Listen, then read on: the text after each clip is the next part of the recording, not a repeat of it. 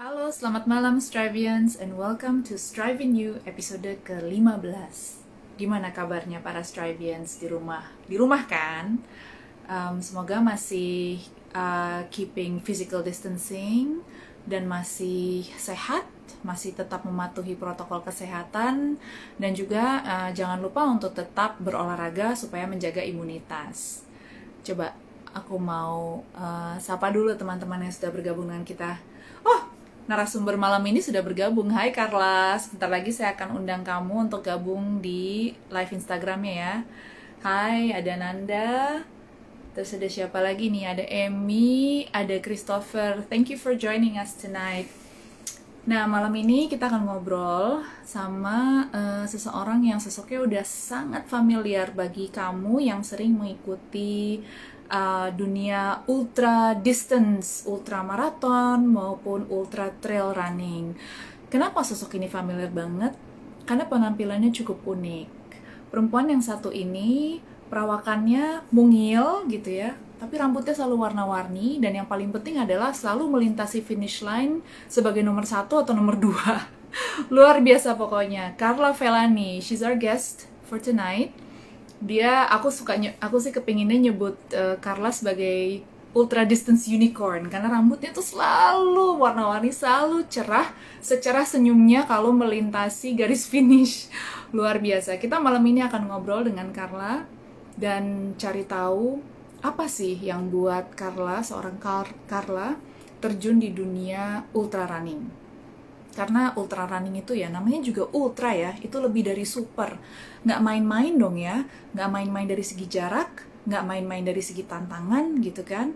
Dan nggak main-main juga dari segi uh, segala macam hal yang bisa dihadapi bukan hanya saat race gitu loh tapi juga di luar race gitu. Pokoknya kayak orang seperti apa sih yang bisa go the distance gitu. Dan Kemudian kita pengen ngobrol sama Carla soal race-race kebanggaannya dia dan juga ups and downs ya. Berarti downs juga nggak hanya race kebanggaan tapi juga race yang mungkin memorable karena ada cerita unik di balik itu.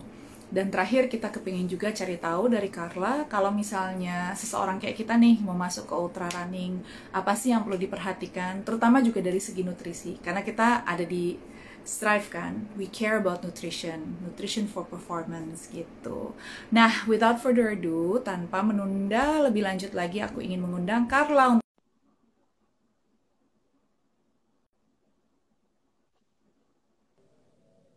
Hai Carla. Hai Ditri selamat malam. Hai selamat malam. Aku kedengeran nggak suaranya? Dengeran ya Suara aku kedengeran Iya, ya? ternyata earphone nggak berfungsi nih, aku balikin lagi nih.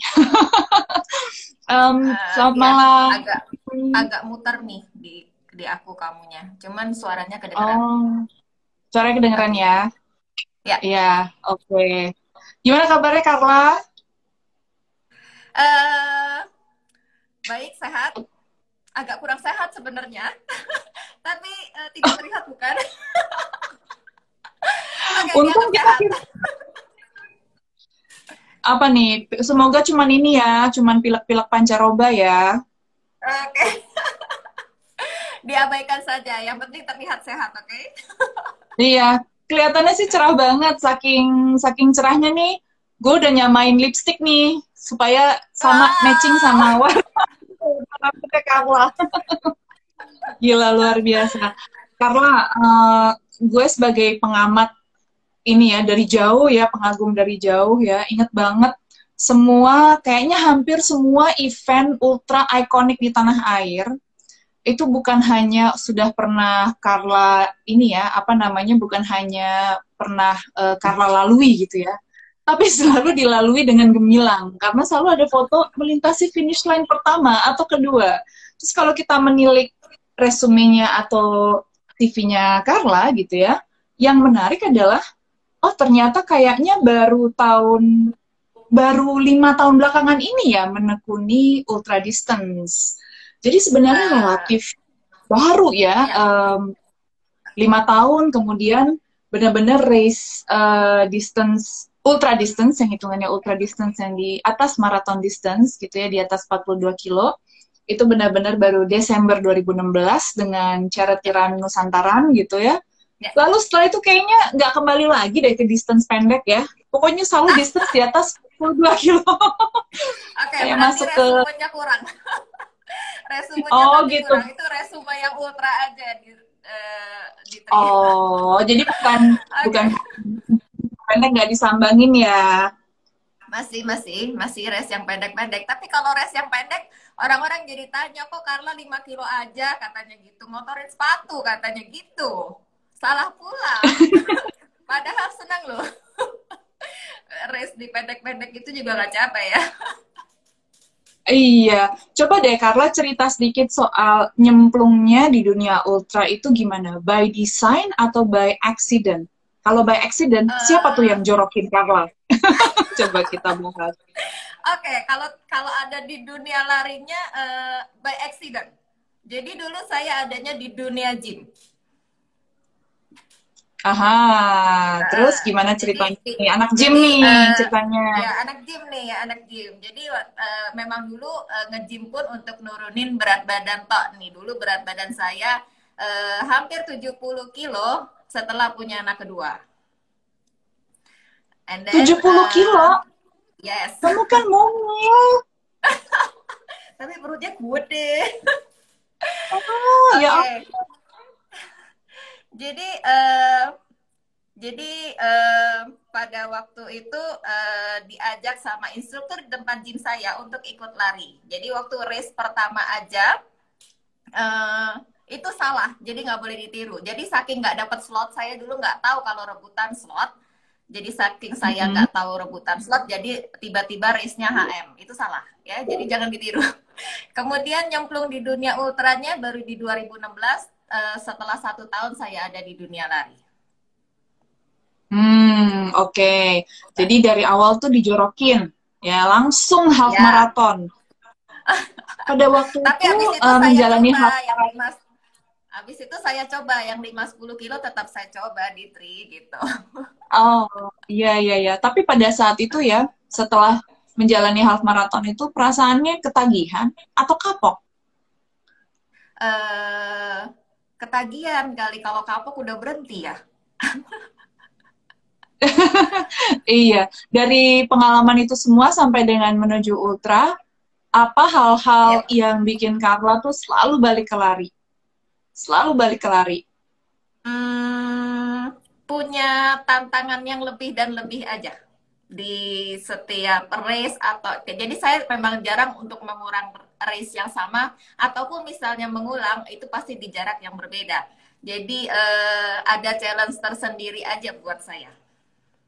Hmm, karena Carla tuh seperti punya suatu talenta alami ya untuk lari ya. Kelihatannya begitu mulai lari progresnya cepet sekali. Apa Carla juga ngerasa gitu nggak sih? Kayak kok badan gue cocok ya buat lari gitu. Ngerasa gitu nggak? Uh, mungkin karena dari kecil aku juga sudah suka olahraga, walaupun memang bukan di lari olahraganya, gitu loh. Jadi ya puji Tuhan memang semesta mendukung juga, jadi ya terciptalah Carla yang sekarang. Luar biasa. Yuk kita ngobrol soal ini ya, race-race Carla, Carla yang paling ikonik yuk gitu. Ultra ya. seperti Strivians, teman-teman Strivians di sini mungkin udah udah tahu bahwa ultra distance itu adalah distance apa pun yang berada di atas 42 kilo. Kalau 40 42,195 kilo itu masih maraton. Di atas itu pokoknya ultra, baik 50 ya. kilo maupun 60 ya. kilo dan bahkan Carla juga udah sampai triple digit loh uh, distance yang pernah dilalui. Iya. nah, coba kita lihat dulu nih distance-distance-nya Carla. Kalau di Indonesia itu ada beberapa ultraran yang cukup ikonik gitu ya. Mulai dari ultraran di atas uh, aspal maupun ultraran yang di trail. Nah, trail ini berarti banyak yang banyak yang seru banget nih ceritanya ya, naik gunung lah, nembus hutan lah sebagainya. Ada event yang ikonik di Indonesia yaitu namanya Gotran. Itu naik Gunung Guntur, uh, naik Gunung Slamet dan naik Gunung Lawu. Memang distance-nya itu nggak ultra ya Carla ya, tapi ini ikonik banget loh karena ya. tantangannya luar biasa ya Carla. Ya, Cerita karena sedikit itu dong. satu-satunya. Oke, karena itu satu-satunya uh, race trail yang ada seriesnya dan memang itu benar-benar di gunung walaupun jaraknya paling maksimal 40 atau 45 kilo tapi benar-benar memang itu di gunung jadi dan dia dalam satu tahun ada dua atau tiga series biasanya Dan itu, oke, aku sebagai orang awam klarifikasi dulu. Di gunung, dia naik sampai ke puncak ya? ya Wow, uh, biasanya ini uh, gunung-gunung kalau jaraknya yang jauh memang dia sampai summit ya sampai summit sampai ke summit. Wow, gila. Itu lari atau gimana? Itu bisa dilariin sampai ke summit. Eh, selama tenaganya masih kuat pasti dilariin kalau enggak udah pasti power walk kalau uphill jadi aku biasanya turun eh kejarnya di downhill Oh wow, ini teman-teman Strivians yang lagi tunin bisa tahu kalau misalnya untuk GoTrun ini banyak sekali peserta internasionalnya ya, Carla ya. ya lumayan Karena saking ikoniknya. Jadi kemarin Carla tahun 2018 berhasil memenangi tiga eh, race yang menjadi bagian dari seri GoTrun yaitu Ya. Gunung Guntur podium 2 itu 35 kilo. Ya. Gunung Slamet podium 3 itu Ya. 35 kilo. Gunung Lawu podium 2 itu 40 Ya. kilo. Ada story yang memorable nggak dari GoTrun ini? Eh, Apa? yang pasti tiap gunung punya eh, kultur yang berbeda-beda, punya kontur salah, kontur yang berbeda-beda. Jadi tantangannya juga berbeda. And then eh, eh, Gotran itu memang istimewanya adalah dia juga ngumpulin poin. Jadi eh, ketika eh, juara itu ada poinnya, poin itu mereka yang bikin. Jadi eh, Mhm.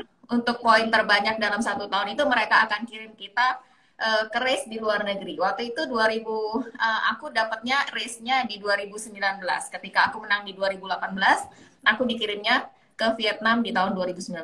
Itu luar biasa pengalamannya. Oke, coba deh kalau misalnya gunung-gunung itu konturnya biasanya jatuh ke kategori apa aja nih? Masih penasaran nih soal lari-lari di gunung nih soalnya eh, aku ngebayangin Oke. gunung itu sama semua. Ini orang yang nggak tahu gunung nih gitu. Gimana sih gunung-gunung di Indonesia Oke. itu karakternya? Kalau yes, eh, yang pasti eh, ada yang modelnya berbatu-batu besar. Jadi eh, cukup teknikal kalau itu Eh, untuk sampai ke puncaknya lumayan berat dan eh, Batu-batu turunnya pun ya. juga harus lebih hati-hati. Ada yang modelnya lebih berpasir, ada yang modelnya tanah gitu ya. Jadi macam-macam sih sebenarnya di tri untuk eh, eh, dan yang pasti kalau sudah di atas gunung cuaca yang tidak bisa kita duga gitu loh. Entah angin, entah hujan, entah benar panas ataupun eh, debu gitu. Itu eh, sangat tidak bisa diprediksi. Itu jadi kita harus siap untuk segala kemungkinan ya. Oke, that's why eh, ketika trail itu eh, mandatory gearsnya itu sangat penting dan sangat dicek oleh panitia. Jadi ketika kita eh, trail itu memang kita harus self support membawa hmm, eh, mandatory sendiri, entah itu jaket, entah itu eh, eh, emergency blanket, entah itu makanan dan minuman secukupnya untuk kita selama di perjalanan sebelum sampai ke water station, ataupun eh, eh, hidrasi juga yang pasti. Nah, itu yang eh, bedanya dengan kita lari di road. Jadi memang tantangannya lebih eh, besar aja. Jadi preparingnya juga lebih banyak. Jadi kalau di road Hmm. mungkin kita tinggal bawa badan dan sepatu, kalau di trail memang eh, persiapannya jauh lebih banyak. Dan harus ini ya mempelajari rute juga ya. Aku nggak bayanginnya. Eh, Seorang Carlo pasti iya sih, tapi saya jarang lihat rute.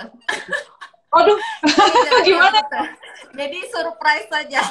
Jadi saya juga jarang lihat elevasi dan lain-lain. Ya sudah dijalanin saja dengan happy. Gila luar biasa karena pasti elevasinya ini ribuan meter ya Carla ya. Gak Ya, hanya biasanya ratusan ya. tapi Ya. ribuan. Nah kalau Ya. misalnya di aspal tadi Carla bilang persiapannya nggak harus nggak harus seperti kalau kita trail run ya. Mohon Ya. maaf tadi agak geser tadi mau ngomongin ultra malah ngomongin trail run. Tapi kalau kalau di okay. aspal ini Carla ini selalu konsisten di atas 42 kilo ya kecuali setelah Bali Marathon sama Berlin Marathon di luar itu semua ini ya ultra ya ada Bintaro Loop di mana Carla menjadi fastest female di situ di tahun 2018 dan juga tahun 2019 juga ya 120 kilo fastest female Ya. 11 jam loh larinya itu gimana sih Carla bisa aku Oh nggak ya, itu waktu 2009, waktu 2000, waktu 2019 tim Strive ikut aku. Jadi pada saat start mereka ngambil video dan pada saat di perjalanan yang waktu malam pun sampai besok paginya mereka take video. Jadi mereka jadi saksi nih. Jadi benar-benar 2019 pada saat Bintaro Loop uh, uh, itu um, pengalaman banget buat aku. Jadi juga tidak pernah terpikir larinya gimana. Tapi Bintaro mm -hmm. Loop memang mungkin uh, kamu sepedahan pasti orang-orang sepedahan juga tahu gimana ganasnya Bintaro Loop. Oke, okay? itu flyovernya juga ada empat. Jadi kalau satu loop itu uh, 12 kilo, jadi kalau kali 4, 48, saya 48 kali saya naik flyover. Gila, ya, 48 kali. Ya. Oke, okay. jadi coba deh uh, ajak kita. Benar, coba ajak kita menyelami pikiran seorang Carla pada saat memutuskan untuk lari sejauh itu, muter-muter di loop yang sama gitu ya selama yes. 10 kali. Oke. Okay. Itu itu what is the mental apa yang lo pikirkan selama okay. lari itu apa gimana? Oke, itu uh, sebenarnya uh, tantangan buat saya. Memang yang pertama udah pasti bosen. Uh, bosannya artinya kita udah tahu nih kilometer segini lewat kilometer segini lewat. Pastinya satu loop tuh 12 kilo, jadi ya gimana rasanya ya muter 10 kali gitu kan. Nah, tapi positifnya adalah kita sudah tahu nih WS-nya di mana. Tiap 3 kilo kita ketemu WS, tiap 12 kilo kita ketemu water station yang pertama. So, uh, kalau memang uh, kalau bicara ultra memang kalau menurut Karlan nih 30% adalah uh, fisik, 50%-nya mindset. Jadi mental, hmm. mental. Yes. Mental. Jadi waktu nah. itu memang uh, ya sudah dijalanin saja dengan happy. Uh, jadi mikirnya jangan mem, jangan mikir 120 kilo. Jadi mikirnya 12 kali 10 kilo, 12 kilo kali 10 loop. Jadi mikirnya di, Aku... dibagi ke porsi yang lebih kecil. Jadi mikirnya 12 Mipet, kilo kali 10. Mikirnya 12 kilo dan kalau udah lewat okay. baru mulai mikir lagi gitu ya. ya Karena tapi lagi. Okay. tapi aku masih mau gali lagi nih ya, masih mau gali ya. lagi begitu mulai yang ada di pikiran Carla apa? Apakah Carla misalnya nih ada beberapa pelari yang dia biasanya berusaha untuk uh, fokus pusatkan pikiran pada satu peristiwa dalam hidupnya atau pada satu kisah yang dia imajinasikan atau misalnya film yang baru dia tonton gitu. Atau bahkan ada yang bilang juga enggak enggak tuh gue kosongin pikiran gue aja. Kalau Carla triknya apa nih? Hmm, ya just run. Dan aku memikirkan hmm, uh, banyak eh, orang-orang uh, yang uh, support aku jadi uh, salah satunya tidak mau mengecewakan orang-orang yang support aku uh, termasuk keluarga aku hmm, hmm, hmm, hmm. Yes. lalu Jadi, kemudian uh, dan uh, aku hanya berpikir aku harus selesaikan yeah. apa yang aku mulai Oke, okay. dan itu pikirannya konstan terus atau ada misalnya tips-tips untuk mungkin uh, bantu supaya pikiran tetap fokus gitu kan? Atau ada nggak misalnya mental tips gitu yang bisa dipraktekkan teman-teman yang lagi tune ini sekarang para Strivians maupun followersnya Carla ini tadi Hesti udah nanya gimana dong tipsnya kak untuk mengatasi kejenuhan? gitu. Ada nggak kira-kira? Misalnya ya ngitung gitu ngitung apa namanya paving block gitu atau ngitung batas jalan gitu. Atau kayak ngitung oke okay, gue nemu pesepeda berapa berapa nih gitu. Atau misalnya ada juga yang bilang pokoknya setiap ada mobil putih gitu. Kayak gitu. Jadi dihitung mobil putih yang lewat gitu biar nggak bengong-bengong banget gitu. Ada nggak tips-tips kayak gitu Carla? Uh, nggak ada sih kalau sampai ngitung begitu nggak ada di trade. Cuman uh, mikirnya ya dilewatin aja. Eh, nggak uh, usah sering-sering kalau ultra nggak usah sering-sering lihat spot watchnya jadi uh, kilometernya pasti akan lama banget jadi kalau dilihat baru 2 kilo berarti masih 98 kilo lagi lama nanti jadi dijalanin aja tiba-tiba lihat jamnya oke okay, sudah 50 kilo oke okay, sudah 60 kilo gitu jadi uh, iya. dan berpikir oke okay, uh, jadi berpikirnya selalu WS ke WS ya kalau aku. Jadi WS-nya misalnya jaraknya uh, 10 kilo per 20 kilo, oke. Okay next di WS uh, eh, nyampe WS berikutnya oke okay, mau ngapain oke okay, mau istirahat dulu oke okay, mau visio dulu oke okay, mau makan dulu jadi uh, tidak tidak terpatok uh, waktu waktunya gitu. Jadi memang harus Oke. dinikmati dan eh, harus memanfaatkan fasilitas yang di WS tapi jangan sampai terlena juga. Jadi eh, waktunya Oh, makan harus makan, waktunya eh, memang kalau butuh visio harus visio karena memang jaraknya tuh sangat jauh dan tidak ada yang kita bisa prediksi dengan jarak sejauh itu. Iya. Nah, soal dinikmati ini, aku kebetulan pernah sekali, pernah sekali ultra trail run dan aku ngerti sih maksudnya dinikmati itu dalam artian ketika kita lagi di rute gitu ya dan kita bisa hadir gitu, hadir di sana dengan derap kaki kita, dengan alam gitu. Ada sesuatu yang istimewa memang dan di situ yang mungkin gue bisa bilang itulah nikmatin aja tuh kayak begitu. Pikirannya ada tapi rada kosong tapi ada gitu kan. Terus kita mulai berusaha untuk soak in atau eh, apa ya yang ada di sekitar kita tuh kayak mem- memberi kita energi gitu kan.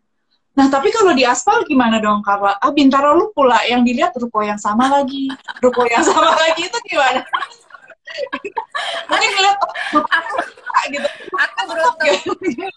Cuman enak kalau di Taruluk tuh kan ketemunya itu lagi itu lagi. Makanya eh, enak gitu loh. Enaknya gini, eh, aku bersyukur banyak mm, teman-teman yang peduli sama aku. Jadi eh, waktu itu memang juga ada tim support. Jadi eh, senang aja oke abis ini aku ketemu mereka, abis ini aku ketemu mereka. Ya sudah, mereka tuh bener-bener yang mm, serve-nya yang abis ini di kilometer ini kamu mau apa, butuh makan apa, apa semua gitu gitu loh. Jadi ya sudah dinikmatin aja gitu loh. Memang sih eh, ngelihat Hmm. aspalnya, ngelihat eh, betonnya gitu, ngelihat panasnya memang kayak mau marah. Cuman ya beda sama di hutan, di gunung gitu memang beda banget ya pemandangannya memang beda banget. Ya tapi eh, ya itu kan keputusan juga ya. Kita eh, take the race, oke kita finish the race gitu.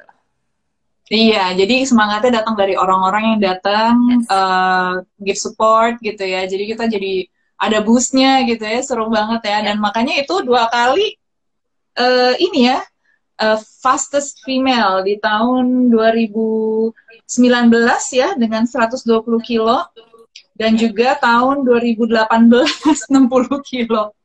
Sayang sekali tahun ini belum ada lagi ya Bintaro Loop karena eh kemarin ada nggak sih Eh, karena Ada, ada. pandemi Kemarin ada. Ada. Oh, kemarin ada. Eh, race terakhir aku di 2020 itu kemarin kebetulan Binloop. Kebetulan aku ambil di aku ambil 200 tapi eh, ya itu Carla juga pernah gagal. Carla DNF dan tidak malu untuk DNF. Oh, jadi kita tunggu sampai Bintaro minggu pada lagi dan kita lihat pembalasannya Carla nanti ya. amin, amin. 21 atau 2022, 2021 sih mudah-mudahan bisa ada lagi ya. Amin, amin. Karena amin. ini the beauty of ultra ya, beneran ultra distance gitu. Ya physical distance juga diperhatikan. Karena otomatis jauh-jauh. gitu luar biasa. Oke, okay, let's talk about um, let's talk about your favorite race ever. Jadi kalau misalnya Carla suatu hari gitu ya punya anak punya cucu dan cicit. Oh. Jadi ya gitu kan, yang Eyang Putri dulu waktu race, eh gitu, itu race apa nih yang mau diceritain nih? Oke, yang eh, masih belum kesampaian eh, itu eh, Tambora 320 udah pasti belum kesampaian harusnya tahun ini tapi juga karena pandemik juga nggak bisa. Oh, dan itu itu sebenarnya harusnya jadi race ikoniknya, race epicnya Carla ya ya. tahun 2020 Ya, ya. Iya, iya, ya, iya. Ya berarti ya. itu yang ini ya. Tapi gimana kalau misalnya dengan yang triple digit lainnya seperti uh, Lintas Sumbawa yang kemarin juga podium satu dan itu dari tim relay ya. Itu itu memorable nggak Ya. Carla? Itu Layak memorable sih. diceritakan nggak Eh, buat ya, memorable karena ya? Gimana eh, gimana cerita baru sedikit? pertama kali ya baru pertama kali race di eh, Indonesia Timur. Jadi memang cuacanya panas sekali, sangat panas sekali. Bahkan waktu itu sebelum itu eh, waktu di Jakarta saya pernah prepare dengan hit training gitu latihan jam 11 jam 12 siang jam 1 siang tuh nggak ada pak nggak ada apa-apa panasnya dengan panasnya Tambora gitu loh itu yang pertama memorable banget Hmm. sama eh ya eh, jalannya bagus banget di sana aspalnya rata tapi memang panas jadi jalannya juga sepi ketika Hmm, malam juga gelap sekali. Jadi apalagi kalau ultra dan tambora itu biasanya pesertanya uh, kira-kira hanya 50-an orang. Jadi memang sepi sekali dan jarak antara peserta itu bisa 30 kilo sendiri, bisa 40 kilo sendiri jarak antara peserta. Jadi malam itu benar-benar sendirian sekali dan gelap sekali. Jadi kalau headlampnya ditutup gitu benar-benar hitam semua. Dan itu gelap. Uh, ya sudah kalau di, saat begitu ya sudah, cuman uh, berdoa saja semoga tidak kenapa-napa. Benar-benar sendiri ya, kebayang sih Yes, ya. waktu itu uh, waktu itu juga uh, waktu itu uh, aku finish di 27 jam di 160 mm -hmm. kilonya itu 27 jam. Nah, uh, dilanjut sama relay kedua. Jadi serunya memang kalau relay gitu ya. Jadi kayak kejar-kejaran gitu. Terus mereka juga live. Jadi kayak kalau orang yang nonton live-nya kayak orang balap motor GP gitu ya, kejar-kejaran gitu. Jadi seru sih. Dan waktu aku gantian, uh, teman relay aku berhasil selesaikan 33 jam jadi waktu itu total waktu kita memang 60 jam dan uh, puji Tuhan dapat nomor satu waktu itu di relaynya. Wow, luar biasa. Itu dan nunggunya deg-degan nggak tuh? Ya, waktu, waktu waktu finish tuh memorable banget. Jadi waktu finish itu siapa pun yang finish, uh, jadi kita yang relay itu dibawa ke garis finish jadi siapa pun yang finish itu entah pagi, entah malam, entah siang tuh dibangunin nih sama MC-nya untuk nyambut mereka. Dan itu tuh rasanya siapa pun yang finish kayaknya haru banget gitu loh. Luar biasa. Dan itu semua dibangunin supaya semua bisa menyambut gitu ya. Karena itu ya, siapa pun betul. mau finish mau finish pertama mau finish terakhir itu pencapaian yang luar biasa gila banget. Bukan hanya tapi depannya tiga tiga ratus dua puluh kilo gila di Indonesia Timur. Dan sejak saat itu juga kak ini bukan satu-satunya race atau ajang yang Carla ikutin di Indonesia Timur kan? Carla juga sempat melakukan charity run jelajah Timur ND itu juga ya. di Indonesia Timur betul. Itu juga panas banget. Memang Indonesia Timur lebih panas. Betul. Waktu itu Oktober kalau nggak salah. Saya jelajah Timur 57 kilo. 57 kilo tuh karena hili juga dan panas. Uh, tapi memang charity itu jauh lebih santai ya. Jadi waktu itu hampir 10 jam juga. Jadi memang ya panas banget. Panas banget ya. Karena itu kalau di, dia Oktober itu ada angin dari dari Australia ya. Angin panas Betul. musim panas. Ya itu kan uh, terdampak di situ ya. Kering juga ya, ya. kalau nggak salah kering, daerah situ ya. Kering. Ya. Nah, kalau kalau lari di daerah yang seperti itu ada tips-tips khusus nggak? Misalnya apa dengan hydration, terus dengan gimana cara supaya core badan kita tetap dingin? Uh, nggak ada nggak ada nggak ada yang lain sih hanya hidrasi yang penting kalau di daerah yang panas ya gitu uh, ya kalau kalau pakaian itu tergantung masing-masing lah ya uh, nyamannya seperti apa gitu loh. Uh, kayak sepatu juga itu tergantung masing-masing orang lah uh, nyamannya seperti apa gitu. Yang penting ya uh, hidrasi sih kalau memang di tempat panas gitu.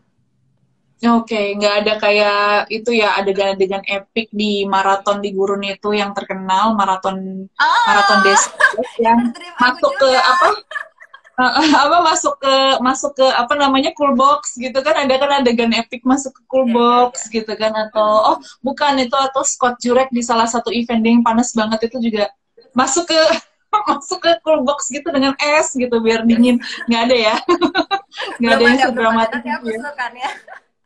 Nanti usulkan ya bawa cool box segede Carla gitu kan iya, iya. bisa masuk gila selain di Indonesia Timur ini juga ada event yang aku lihat di kurikulum vitae atau resumenya Carla yang epic banget. Itu coast to coast Jogja ya Carla ya? Itu juga udah ya, pernah berapa juga, kali. Itu juga panas sekali. Kok semuanya panas? Itu tidak itu tidak panas. ada gunung. Itu tidak ada gunung tapi bukit-bukitnya elevasinya lumayan. Jadi waktu di 19 eh 2017 eh, aku 50 kilo 19 aku 70 kilo, di 2020 aku 100 kilo di CTC. Itu startnya yeah. di pantai Depok, jadi sangat panas. Uh, biasanya kalau oke okay, yang 50 dan 70 itu uh, start malam. Jadi uh, malamnya biasa yeah. di sana hujan, itu susah juga. Jadi 5 kilo pertama dan 5 kilo terakhir itu kita harus lari di pantai. berat yang pasti lari di pasir. Di, nah, di yang pasir, kemarin, di pasir. Yes, ya di pasir. Jadi ala-ala Wow, Baywatch gitu kita. Oh my god, itu kan berat banget lari di pasir ya. Wow, terus terus. Yes. Jadi eh waktu tapi waktu di 2020 karena jaraknya 100 kilo, jadi mereka tuh finishnya selalu sama di jam 12 siang hari Minggu. Jadi eh, startnya yang dimajuin startnya jam 2 siang, bayangkan. Hmm. Jam 2 siang. Wow. Jadi memorable banget memang. Jadi waktu itu uh, yang 70 kilo lebih memorable sebenarnya karena itu kejar-kejaran sama COT-nya. COT-nya mepet sekali. Uh, waktu itu 14 jam. COT-nya untuk 70 kilo. Uh, waktu hmm. itu yang cewek yang finish hanya dua orang. Hmm, hmm, hmm. Nah, yes. seorang Carla ini karena udah pernah podium ya, uh, terkenal lebih tepatnya ya sebagai uh, ya podium princess ya, sering banget di podium uh, pasti kan tiap kali race ada beban ya, ada ekspektasi mungkin dari panitia atau dari teman atau dari keluarga. Itu gimana caranya Carla handle itu? Itu kan pressure ya Carla ya. Kalau misalnya mulai race ada beban kayak aduh gue itu gimana? How do you handle that gitu? Uh, aku tidak pernah terbeban oleh itu, Ditri. Jadi uh, dijalanin aja gitu loh. Jadi uh, syukur kalau misalnya jadi podium uh, adalah bonus buat aku. Jadi kalau misalnya ada orang yang lewatin aku pun ya is okay gitu loh. Jadi uh, no hurt feeling sama sekali. Jadi nggak uh, ya anyone bisa juara, anyone mm -hmm. can be podium. Ya, jadi aku tidak pernah tidak pernah kejar untuk itu. Jadi uh, siapa pun juga punya peluang gitu loh. Jadi ya dibawa happy aja larinya. Wow, itu itu kualitas yang lumayan apa jarang ya karena uh, Tapi dengan demikian berusaha ya aku selalu mengusahakan yang terbaik dari diri aku gitu. Jadi selalu mengusahakan Betul. yang terbaik semampu aku. Jadi aku juga tahu uh, body aku jadi memang kalau ya seandainya nih uh, heart rate-nya udah tinggi gitu ya oke okay pelan sedikit is okay gitu loh. Jadi kalaupun pada saat pelan didahului is okay juga gitu loh. Jadi tidak pernah terbeban oleh itu. Oke, baik. Berarti prinsipnya mengutamakan keselamatan ya dan mengutamakan untuk finish dengan selamat dengan sehat gitu ya ketimbang ya, mungkin ya. terbebani dengan keinginan untuk menang dan sebagainya itu lumayan ya. itu lumayan unik sih itu adalah menurutku pribadi itu suatu uh, sesuatu yang perlu dimiliki seseorang yang mental juara. Itu mungkin yang kita sebut dengan mental juara gitu. Karena ini tadi ada udah ada pertanyaan satu yang kita jawab ya dari Hesti Septianingro ya. perlu aku sebutkan namanya karena uh, nanti ya. akan memberikan giveaway bagi mereka yang mengajukan pertanyaan. Ini ada pertanyaan satu lagi oleh Yakob Yahya 82. Apakah perlu okay. tidur di lokasi checkpoint atau water station? Terima kasih atas sharingnya. Ini soal ini ya tentunya ultra distance ya di trail maupun di aspal. Perlu tidur nggak, Carla? Enggak, apalagi kalau udah malam gitu. Biasa tidur nggak? Oke, okay. kalau masalah tidur perlu pasti. Jadi gini, uh, tergantung jaraknya dan berapa jarak tempuhnya kalau aku ya. Uh, ini juga tergantung masing-masing orang, tidak bisa disamakan. Yang pertama, kalau ultra itu mulai di malam hari, uh, udah pasti mm -hmm. uh, uh, melewati batas kita. Artinya saat kita tidur kita harus lari. Nah, artinya sebelum itu mungkin kita harus nabung untuk tidur. Oke, okay.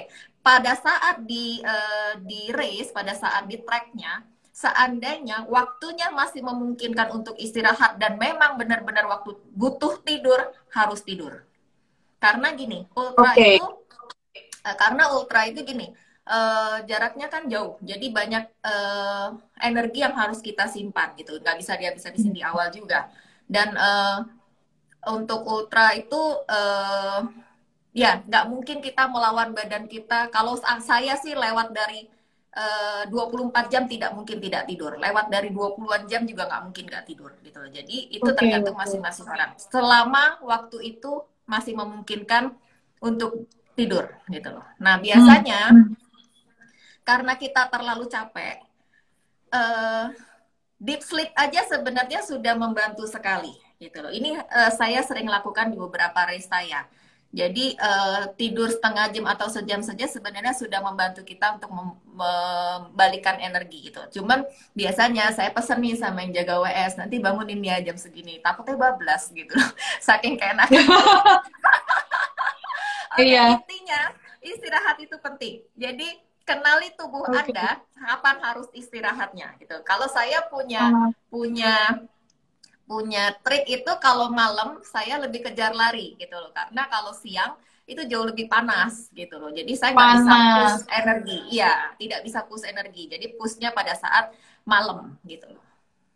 Nah okay. mungkin uh, jadi menjawab cara ya. kita mengenali tubuh kita itu melalui kita coba itu di latihan atau sering race? Gimana yes. caranya sebenarnya? Ya uh, dicoba di latihan oke. Okay, tapi kadang-kadang nggak mungkin juga ya kita iseng-iseng latihan di malam. Malamnya pun nggak nyampe jam 12 malam kali semalam malamnya mungkin jam 8 sampai jam 10 malam. Ya satu-satunya ya memang uh, jam terbang juga ya sering ikut race yang malam.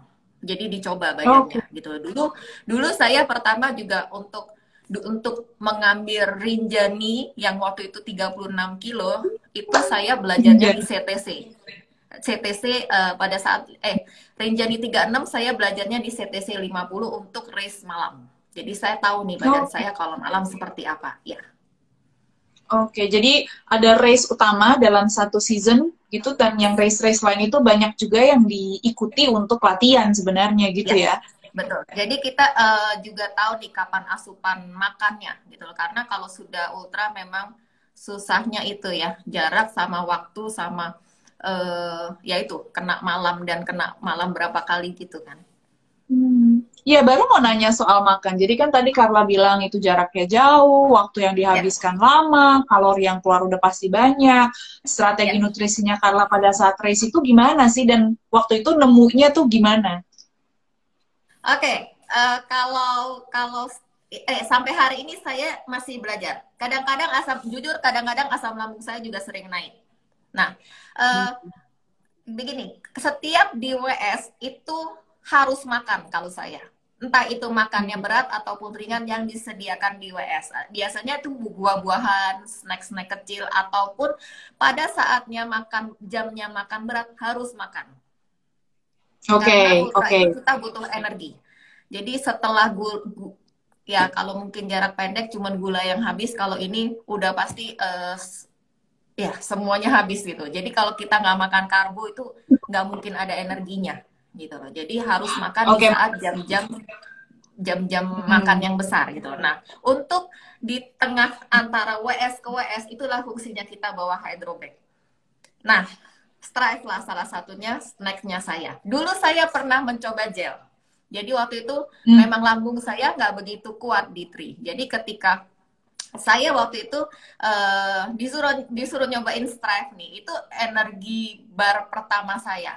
Jadi waktu itu uh, dulu belum ada ukuran yang kecil. Sekarang udah enak. Oke, okay? jadi dulu ukurannya besar yang yang yang uh, yang biasa ya. Jadi uh, itu yang selalu saya bayar di hydrobag. Jadi antara WS ke WS udah pasti kadang apalagi kalau sudah 50 atau 100 kilo ke atas udah pasti uh, cuman makan karbo di WS aja tuh nggak cukup gitu loh. Jadi di tengah-tengah perjalanannya harus tetap kita isi. Nah itu yang aku bawa di hydrobag aku, hidrasi dan snack-snacknya itu termasuk strive. Dan e, kalaupun di WS itu pasti makan yang disediakan panitia. Oh, Oke, okay. berarti ada apa makan besar itu biasanya ada ada yang disediakan panitia tuh nasi. ada nasi padang gitu ya. ya. nah, sekali. Ya. Aduh ya ampun. Jadi pokoknya prinsipnya uh, harus isi terus kalori yang dihabiskan itu harus diganti, gitu kan? Ya. Dan bawalah snack yang memang cocok dengan lambung kita dan memuat kalori sesuai yang kita keluarkan gitu ya. Kalau nggak belum nyampe lima jam juga udah habis tenaganya ya. Iya, udah lemes duluan kan, sedangkan jaraknya jauh gitu loh. Eh, iya, luar biasa. Kalau kalau di luar uh, di luar race sehari-hari Carla makannya gimana sih? Kayaknya makannya bersih banget nih ya. Enggak juga. Pernah makan tahu isi enggak? Diusahakan 80% bersih. Ini saya belajar dari ahli gizi. Oke, okay, 20 persennya kuliner. Jadi saya masih masih pengen makan es krim, masih pengen makan cake, masih masih masih ada gitu. Tapi 80 persennya saya usahakan bersih. Oke, nutrisi yang saya makan uh, uh, gini, nutrisi itu pun saya percaya tidak bisa sesaat nih kita bangunnya. Sama seperti endurance. Jadi apa yang kita makan selama ini tuh akan menjadi tenaga uh, simpanan kita di tahun-tahun berikutnya. Jadi ya hmm. uh, mulailah makan sehat. Jadi ini bukan promosi. Oke, okay, makan sehatnya begini. Perbanyak buah dan sayur. Udah pasti uh, setiap kali makan ada buah dan sayur. Hmm. Hmm. Uh, buah dan sayur, oke okay, catat. Saya lebih buah dan sayur. Ya, saya lebih ya, saya lebih memilih uh, low carbo high protein dengan karbohidrat yang kompleks. Jadi saya makannya uh, nasi hitam dari dari beras hitam gitu loh. Tapi sekali lagi tidak tidak se-strict itu juga. Jadi saya mau masih mau menikmati hidup. Jadi kalau misalnya diajak party-party, masih makan nasi putih is oke okay juga. Jadi itu 20 persennya tadi gitu loh. Oke. Okay. Tapi habis okay. ini kayaknya 14 Trivian yang nonton langsung order nih nasi hitam, nasi hitam di mana ordernya. Biar okay. bisa jadi kayak Carla. sekali dan diusahakan sekali tidak goreng, tidak deep fried. Jadi Oke, okay, itu harus kita catat pertama yes. ya, Trivians, yes. karena ternyata makanan Indonesia itu banyak banget deep fried-nya gitu ya, walaupun misalnya yes. dia berenang di kuah, tapi ternyata sebelumnya digoreng. berenang di kuah. Benar-benar gitu. Sebut saja bakwan Malang ya, Carla ya, bakwan Malang, bakso. Iya, Ternyata dalam, sebelum di dalam kuah ya, tapi digoreng semua. Ya oke. Okay. Oke, okay, kalau lima harinya lima harinya makan bersih, dua hari makan itu nggak apa-apa di tri. Nanti dibayar pakai olahraga. dibayar pakai olahraga. Nah ngomong-ngomong, Carla nih kan uh, pelari ya, ultra ultra runner. Ya. Tentunya latihan utamanya adalah lari. Pertama, kita pengen tahu dulu larinya dalam seminggu berapa kilo sih kalau lagi training mode? Dan yang kedua, tadi ada yang bertanya di sini um, nama Instagram akunnya lawan diabetes T2. Mbak Carla tuh cross trainingnya apa? Jadi selain lari apa? Apalagi yang Carla lakukan? Oke, okay. uh, eh, kalau tanya seminggu berapa kilo, uh, saya jarang hitung. Jadi um, saya usahain, saya usahain sih uh, ada long run di akhir pekan. Tapi setiap harinya saya usahakan lari minimal 10 kilo. Uh, tapi ya itu tadi. Kadang latihannya juga uh, latihan uh, trail, jadi nggak nggak melulu di aspal. Jadi saya combine dengan itu. Jadi saya jarang ngitung kilometer sebenarnya, tapi saya combine. And then tanya tadi cross trainingnya apa? Yang saya lakukan mm -hmm juga strength training, core training, strength training. Dan uh, kalau dulu uh, belum pandemik itu gym-gym buka, ya pasti saya uh, trainingnya di gym plus RTM. Jadi sepedahan statis yang seru itu loh yang pakai lagu itu. nah kalau yang, sekarang yang uh, gym, ya, putar putar tambah tambah apa resistensinya ya, kalau bener kalau yang uh, kalau sekarang gym gak buka ya uh, sepedahan di luar tapi ya di kompleks aja gitu. Tapi sepedanya nggak yang kebut-kebutan dan nggak yang jauh-jauh banget hanya untuk latihan endurance menggantikan kalau saya pas nggak lari aja oke okay, pertanyaan tapi soal training itu penting ya Betul. Pertanyaan soal strength trainingnya biasanya Carla fokus di area apa kalau strength training? Tadi sudah disebut core.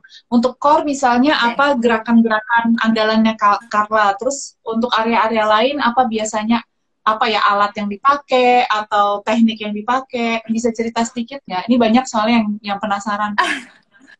Oke, okay, kalau uh, kalau emang dulu asalnya dari anak gym sih ya. Jadi kalau dulu gymnya buka ya uh, selalu mix. Jadi kalau hari ini latihan chest ya besok latihan uh, kaki, besok latihan bahu, ya itu dikombin sendiri. Tapi kalau uh, sekarang nggak bisa, ya latihannya hanya di rumah, modalnya cuma dumbbell sama matras. Uh, mm-hmm. sam ya cuma dumbbell sama matras modalnya. Kalau untuk uh, fokusnya di mana? Menurut saya uh, dulu saya belajar dari uh, personal trainer saya. Uh, kalau otot itu satu tubuh jadi nggak bisa cuman oh mau six pack latihannya perut doang. Nggak bisa gitu loh. Jadi harus dibantu dengan otot-otot lainnya yang kalau masa ototnya terbentuk itu pasti akan membantu membakar lemak gitu loh. Terutama uh, otot-otot besar justru ya, kaki, hmm, dada, uh, ya kaki, dada dan back gitu loh. Itu otot besar kan gitu. Jadi melatih otot besar juga perlu gitu. Jadi jangan hanya fokus di perut saja, tapi ya latihan perut juga penting. Oke, jadi sebenarnya semua kelompok otot besar itu digilir ya istilahnya ya, ada gilirannya. Yes, Hari ini ya. chest, oke, okay, jadi tidak ada semua otot. Jadi tidak ada titik berat untuk otot tertentu. Misalkan, oh saya pelari berarti hanya lower leg gitu misalnya, eh hanya lower lower ya, body gitu, ya. enggak ya? Apalagi kalau ya, apalagi kalau lari ya, karena kalau lari menurut aku semua tubuh itu bergerak. Jadi hmm. uh, perlu memperkuat back juga, apalagi kalau misalnya kayak kita trail uh, naik naik gunung gitu, aku rasa harus punya back yang kuat juga, lower back yang kuat juga, uh, glutes juga pastinya gitu loh. Dan uh, ya nggak bisa cuman ya itulah banyak yang mengeluh gue pengen six pack gue pengen perutnya rata cuman latihan perut aja aku rasa akan lebih susah dan itu juga ada faktor makanan ya gitu jadi tetap ada faktor makanan Oh iya, aku baca di mana ya kalau misalnya abs are made in the kitchen not in the gym gitu katanya. Maksudnya 70% uh, dari makanan. Aduh, ya ampun. Oke, okay, bye-bye tahu isi dan donat kentang. kalau aku tuh kalau ngeliat ngeliat Instagramnya Carla tuh, ya ampun, ini ibu dua anak loh. gitu. Langsung malu sendiri. Konsisten, konsisten, konsisten kuncinya konsisten kuncinya ada satu pertanyaan terakhir ya Carla. Tadi sebenarnya okay. kemarin di rencana kita kita mau ngobrol banyak ya, tapi waktunya udah mau habis, jadi kita akan ngambil satu lagi pertanyaan dari Akbar Abil dan mungkin ini tadi udah diceritain banyak sebenarnya, tapi kayak mungkin Akbar baru bergabung. Apakah untuk lari ultra minimal 50 kilo butuh persiapan berapa lama ya? Well, itu tergantung startnya dari mana, tapi let's assume startnya dari nol gitu katakanlah ya Carla. Menurut Carla, okay. itu soal seseorang yang baru mulai lari, lalu bercita-cita untuk yes. ultra, itu gimana tuh pathway-nya, jalurnya ke menuju 50K itu gimana tuh kira-kira? Ini yang nanya sebenarnya ngetes nih kayaknya. Oh, ini pelari ultra juga yang nanya ya? Hmm. Harusnya dia tahu nih, dia ngetes aku. Oke, baik, aku jawab. Oke, uh, semua hal, semua hal tidak ada yang instan. Ya, jadi semua butuh proses dan kesabaran menurut aku. Jadi dulu kan karena juga mulai dari nol gitu loh. Jadi mulailah jarak dengan jarak pendek. Jadi uh, jaraknya yang ditingkatkan makin lama. Dan yang jelas kalau ngomong ultra uh, aku lebih ngomong endurance. Jadi uh, tidak terlalu membahas speed kecuali memang uh, pro-pro dan elit-elit lah yang sudah memikirkan speed di ultra gitu loh. Jadi yeah. endurance yang penting.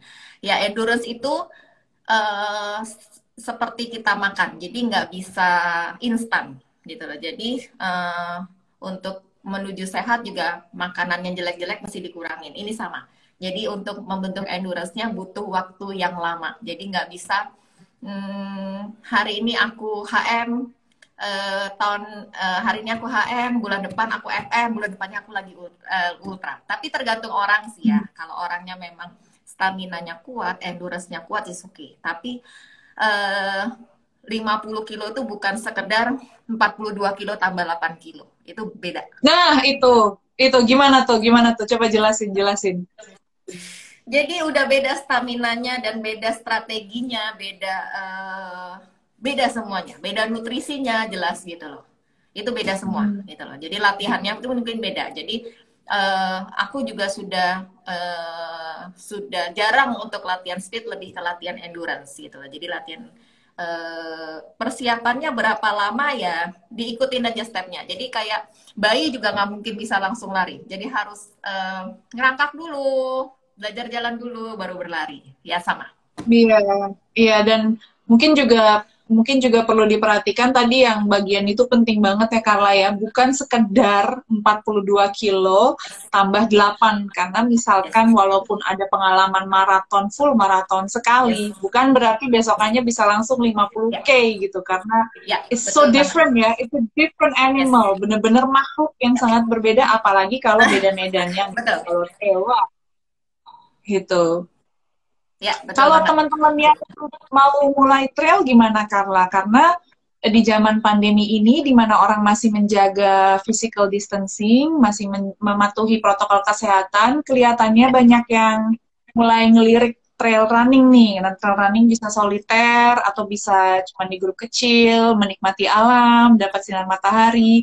Ada nggak tips buat teman-teman yang mau lebih serius trail running atau bahkan memulai trail running di tahun 2021? Oke, okay, kalau uh, ngomong trail juga sama. Jadi mulailah dengan jarak yang pendek dulu dan tingkat kesulitannya yang uh, rendah dulu. Jadi belum tentu uh, jadi kayak tadi ya, belum tentu Rinjani 36 itu lebih gampang daripada CPC 50. Gitu loh. Jadi okay. uh, ya, jadi pelajari elevasinya, pelajari medannya dulu sebelum ngambil race-nya. Jadi bukan hanya jarak kalau di trail uh, safety lah gitu loh termasuk ya itu tadi ya uh, perhatikan COT-nya mungkin jadi mulai selalu mulai dengan jarak pendek atau tingkat kemudahan yang tingkat kemudahan yang paling rendah gitu loh jadi untuk hmm. memastikan oke okay, kita uh, kita adaptasi nih dengan dunia trail tuh seperti ini karena di trail pun mm -hmm. uh, jarak WS-nya itu tidak seperti di road tiap dua setengah kilo bisa 10 kilo gitu loh. Bisa 5 kilo. Itu kan berarti kita harus survive di jarak itu sendiri gitu loh.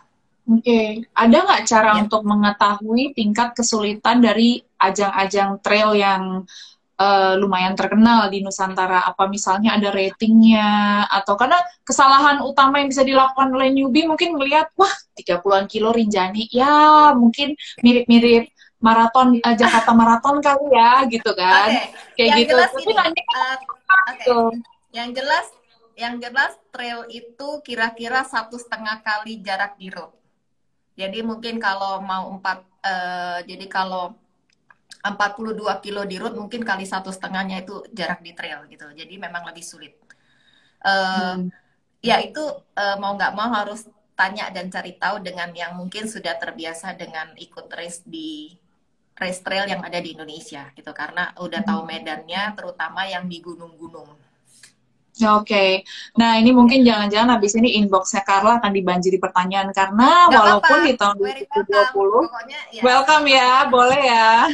Ya. Walaupun di tahun Siap. ini kita lihat banyak banget event atau hampir semua semua kali event batal, kelihatannya 2021 ya. ada titik terang nih ya, kelihatannya akan ada mulai ada event-event lagi, gitu ya. Yes apa misal apa yang kira-kira harapan harapannya Carla untuk 2021 apa nih ada nggak yang event yang mungkin Carla harapkan aduh semoga ada nih 2021 gitu itu kira-kira Tambora kali ya Tambora yang tadi disebut ya. Amin. Iya semoga ya ada. Yang pasti akhir Januari eh, saya di Flores. Laram Tukap Maumere. Ini oh. barang pahadi semoga ya. Ya ini charity, itu apa? Itu charity? Charity yes charity. Aduh, itu tuh uh, destinasi ya, impian saya. Ya, selanjutnya berdoa semoga vaksinnya cepat keluar. berdoa semoga Indonesia cepat sembuh. Jadi uh, bisa ngikutin race-race yang uh, ya setidaknya aman lah, gitu loh. Oke, luar biasa. Carla, terima kasih banyak 2000, loh dulu mimpinya 2021 sih uh, setelah eh kalau 2020 ada Tambora mimpinya udah beda lagi di 2021 jadi ini mimpinya digeser dikit mimpinya ditunda dikit tapi bukan berarti kita give up ya. Kita tidak menyerah pada keadaan yes. terus kita ya karena ini waktunya sudah hampir habis. Ya. Uh, aku ingin ya. ambil kesempatan untuk berterima kasih pada Strivians yang sudah tune in dan sudah menyimak dan bahkan bertanya kepada Carla. Tadi Carla udah bilang loh kalau mau inbox Carla, mau japri, monggo-monggo aja. Kalau misalnya mau tanya-tanya soal event, tanya-tanya tips, langsung aja ke Carla. Atau kalau misalnya ke Team Strive, kita bisa menyampaikannya ke Carla. Nah untuk Carla, Thank you ya. so much sudah meluangkan waktu walaupun lagi nggak enak badan. Thank walaupun juga, Gitri. Semoga impian Nakala terwujud ya di awal tahun. Semoga uh, uh, event di Larantuka berjalan dengan aman ya dan bisa selesai dengan baik dan semoga semua race-race ikonik kembali di tahun 2021 sehingga Amin. kita bisa lihat lagi finish line lagi. Oke, okay. itu loh. Terima kasih Ditri, terima kasih Strai. Terima kasih uh, semua yang sudah nonton malam ini. Terima kasih yang sudah uh, bertanya. Terima kasih semua doanya juga. Oke, kita pamit dulu ya. Terima kasih semuanya. Selamat malam. Ya, sehat terus ya, bye. Sehat-sehat. Bye.